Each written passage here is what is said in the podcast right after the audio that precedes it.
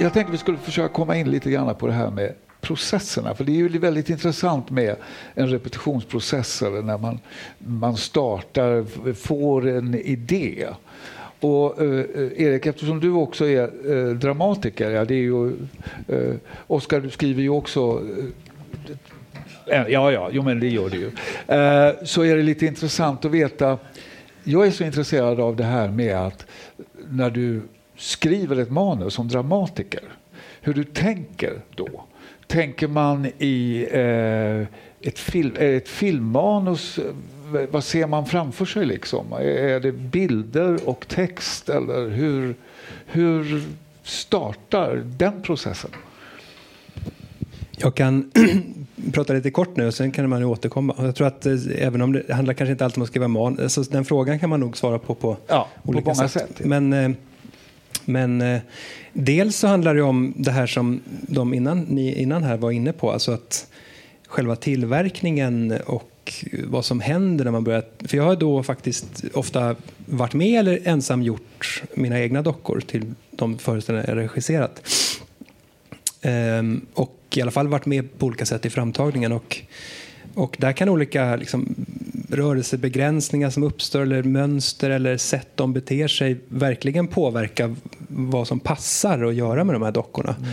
Och jag, det, det, har varit väldigt fint på Malmö dockteater där byggandet och skrivandet och repen har gått liksom hand i hand. Ofta i lite, lite för korta tidsperioder men dock så har det liksom varit sågspån och manuspapper på bordet samtidigt ungefär. Mm. Så att, och det där har ju definitivt eh, påverkat alltså, vad det blir för manus till mm. exempel eller vad det blir för spelstil. Eller, och rent generellt så eh, kan man säga att om jag skriver för dockor så då kan jag göra en lång scen där, där de bara säger jaha, nej jag ska väl, ja, har du en cigg? Ja, alltså på ett sätt som man nog inte hade skrivit om det inte var för dockor. För jag, jag, tycker att det är så otroligt. Det, det, man kan göra så tråkiga saker med dockor. Och det är det som blir som mest underhållande tycker jag. Det är roligt att se hur en docka flyttar benet. Så här, liksom. Det kan pågå, byter ben. Alltså det, det är fantastiskt. Och det handlar ju om någonting, eh, att varenda litet val är så valt, så att säga. Och eh, som du som är någon slags eh, gest för någonting. Och att, att man, man aktiveras som publik och, och blir fascinerad över de mest eh, trista saker faktiskt. Som, som också blir avslöjande. Liksom.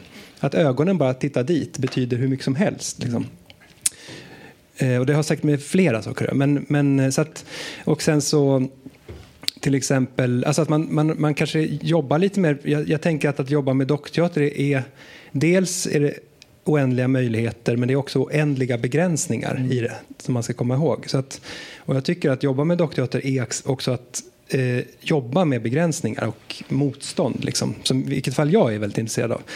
Så att ibland sätter jag kanske upp egna begränsningar. att Eh, på Folkteatern satte jag upp Dr. Faustus i våras och då, då gjorde jag helt platta dockor. Liksom. Så, så, när de vände sig om så blev det bara en skiva så här. Liksom. Och då, ja, det, nu kommer inte den scenen med, men till exempel jag skrev en lång scen att, att eh, i skådespeleri så finns det ju, i teater när man repar så finns det något som kallar, vad säger man, upstagea. Eller, alltså när, man, när en skådespelare frontar då måste den andra ställa sig liksom lite med ryggen till för att vi ska prata. Så alltså, det finns en tendens hos vissa, eller man pratar om det i alla fall, att man upstagear, folk som drar sig bakåt på scenen för att synas. Liksom.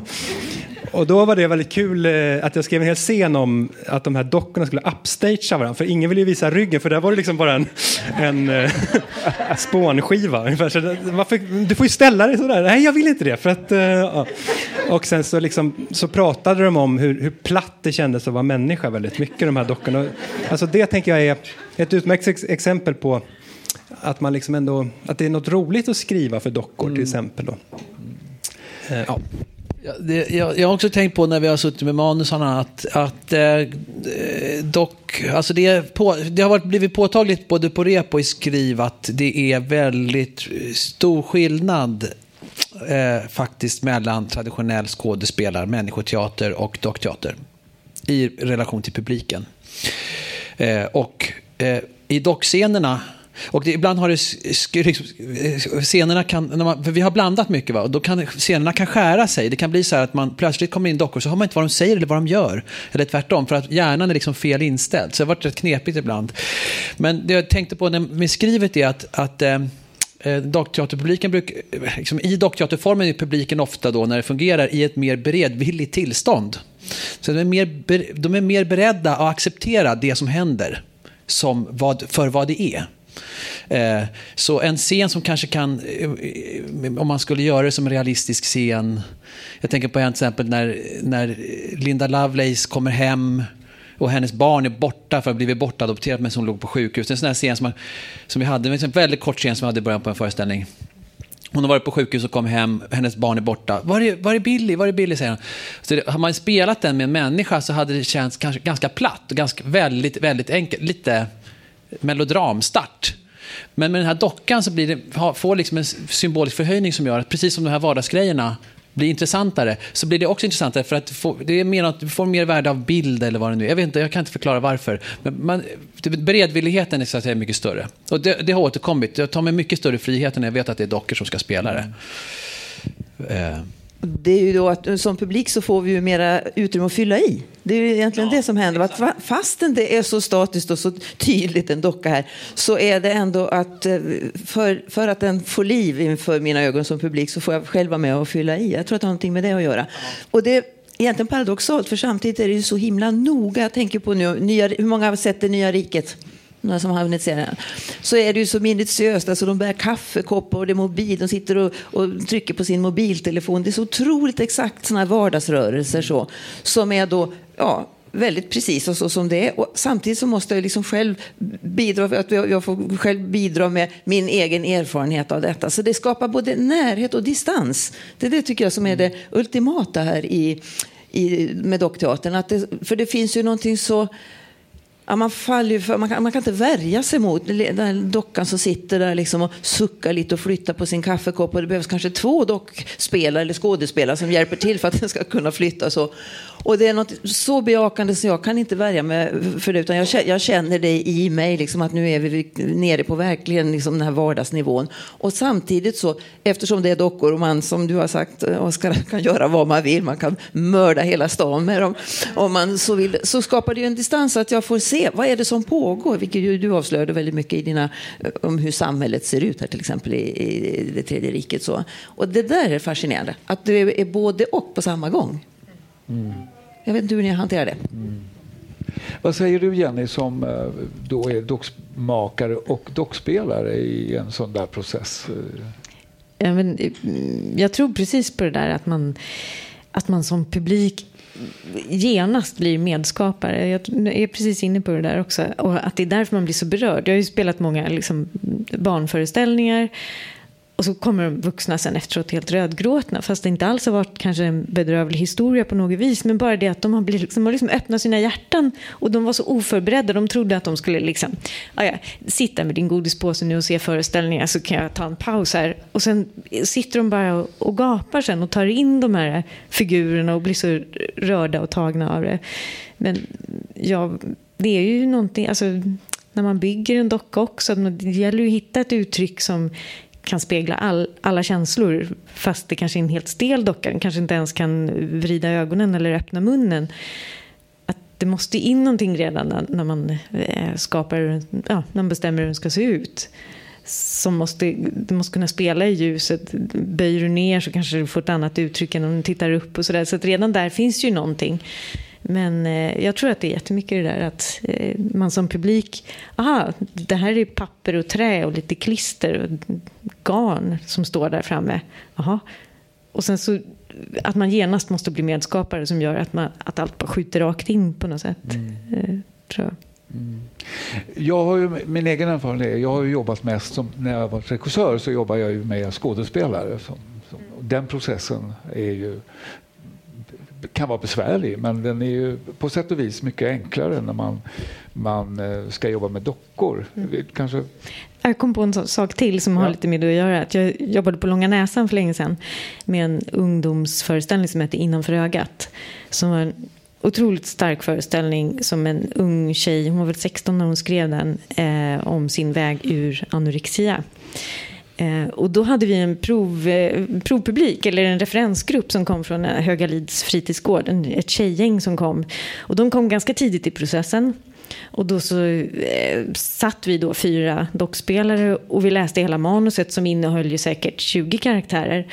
Och så bara emellanåt så, ja men nu kommer en docka som är det här och det är du som spelar den. Och så efter ett tag så var det en av de här fjortis-tjejerna som var, alltså ursäkta, men de här, vadå dockor? Då bara så här, aha, de visste inte ens att Långa Näsan var en dockteater, de hade ingen aning. Och man såg ju dem liksom backa i stolarna, bara kom igen jag är 14. liksom, jag vill inte se på dockteater.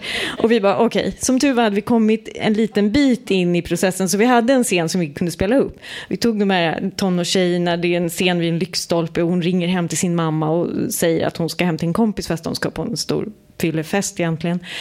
Eh, och hur de liksom bara slappnade av och sen efteråt de bara Wow, det är så himla coolt. Det är så himla skönt att inte se skådespelare som är vuxna med en keps bak och fram och nu är jag tonåring. För de här figurerna av papper och klister eh, var liksom, det kunde vara vem som helst. Och de sa, de sa exakt allt det man vill höra som dockteaterkonstnär. liksom, och hur lättade de var. Man kunde behandla allt i den här pjäsen. Känsliga saker, det var sex, det var utsatthet på tonåringars vis. Och det spelar ingen roll att vi i ensemblen var allt mellan 35 och 55 som spelade de här. Det var liksom men det är också just det där att det är så enkelt att ta sig, ta sig dit. Den kan vara det jag behöver att den här dockan ska vara. Mm.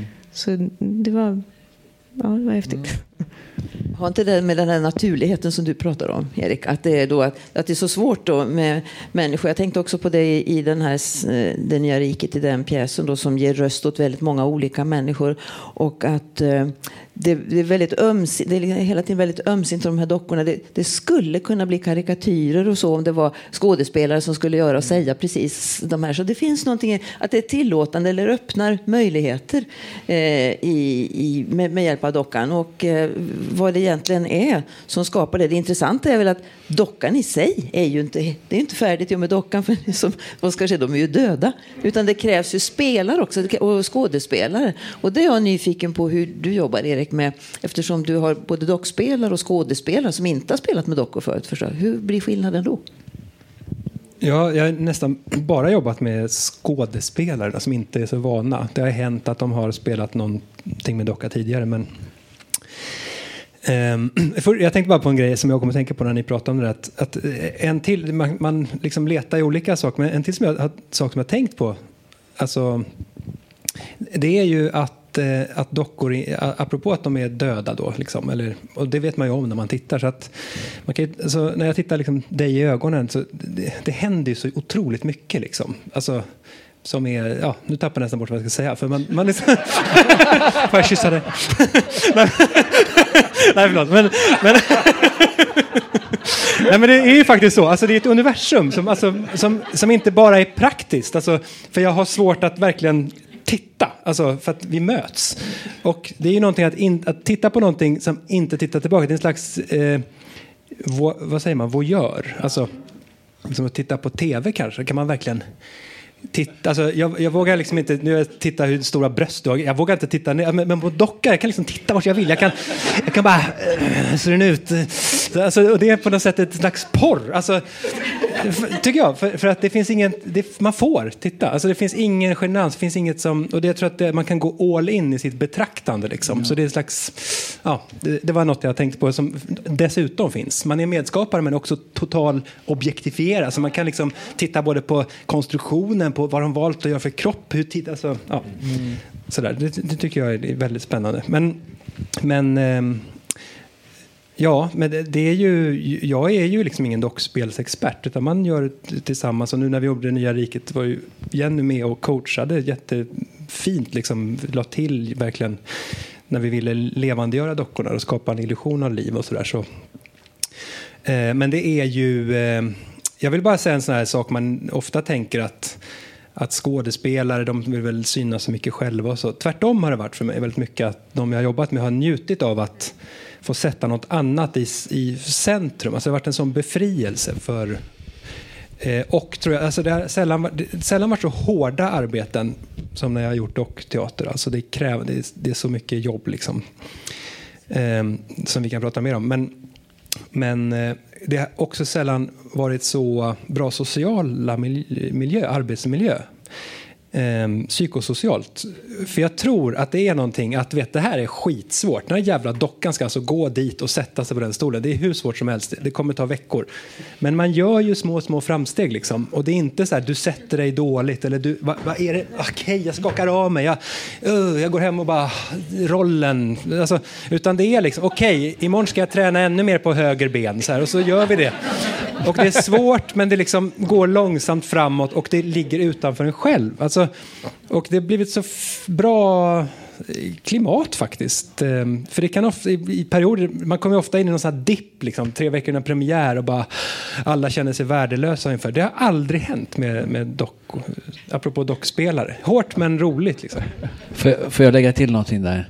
Jag, eh, jag, har, jag har faktiskt ett, ett, ett ideal, ett teaterideal jag har haft länge, det är faktiskt dans. Eh, dans. Ja!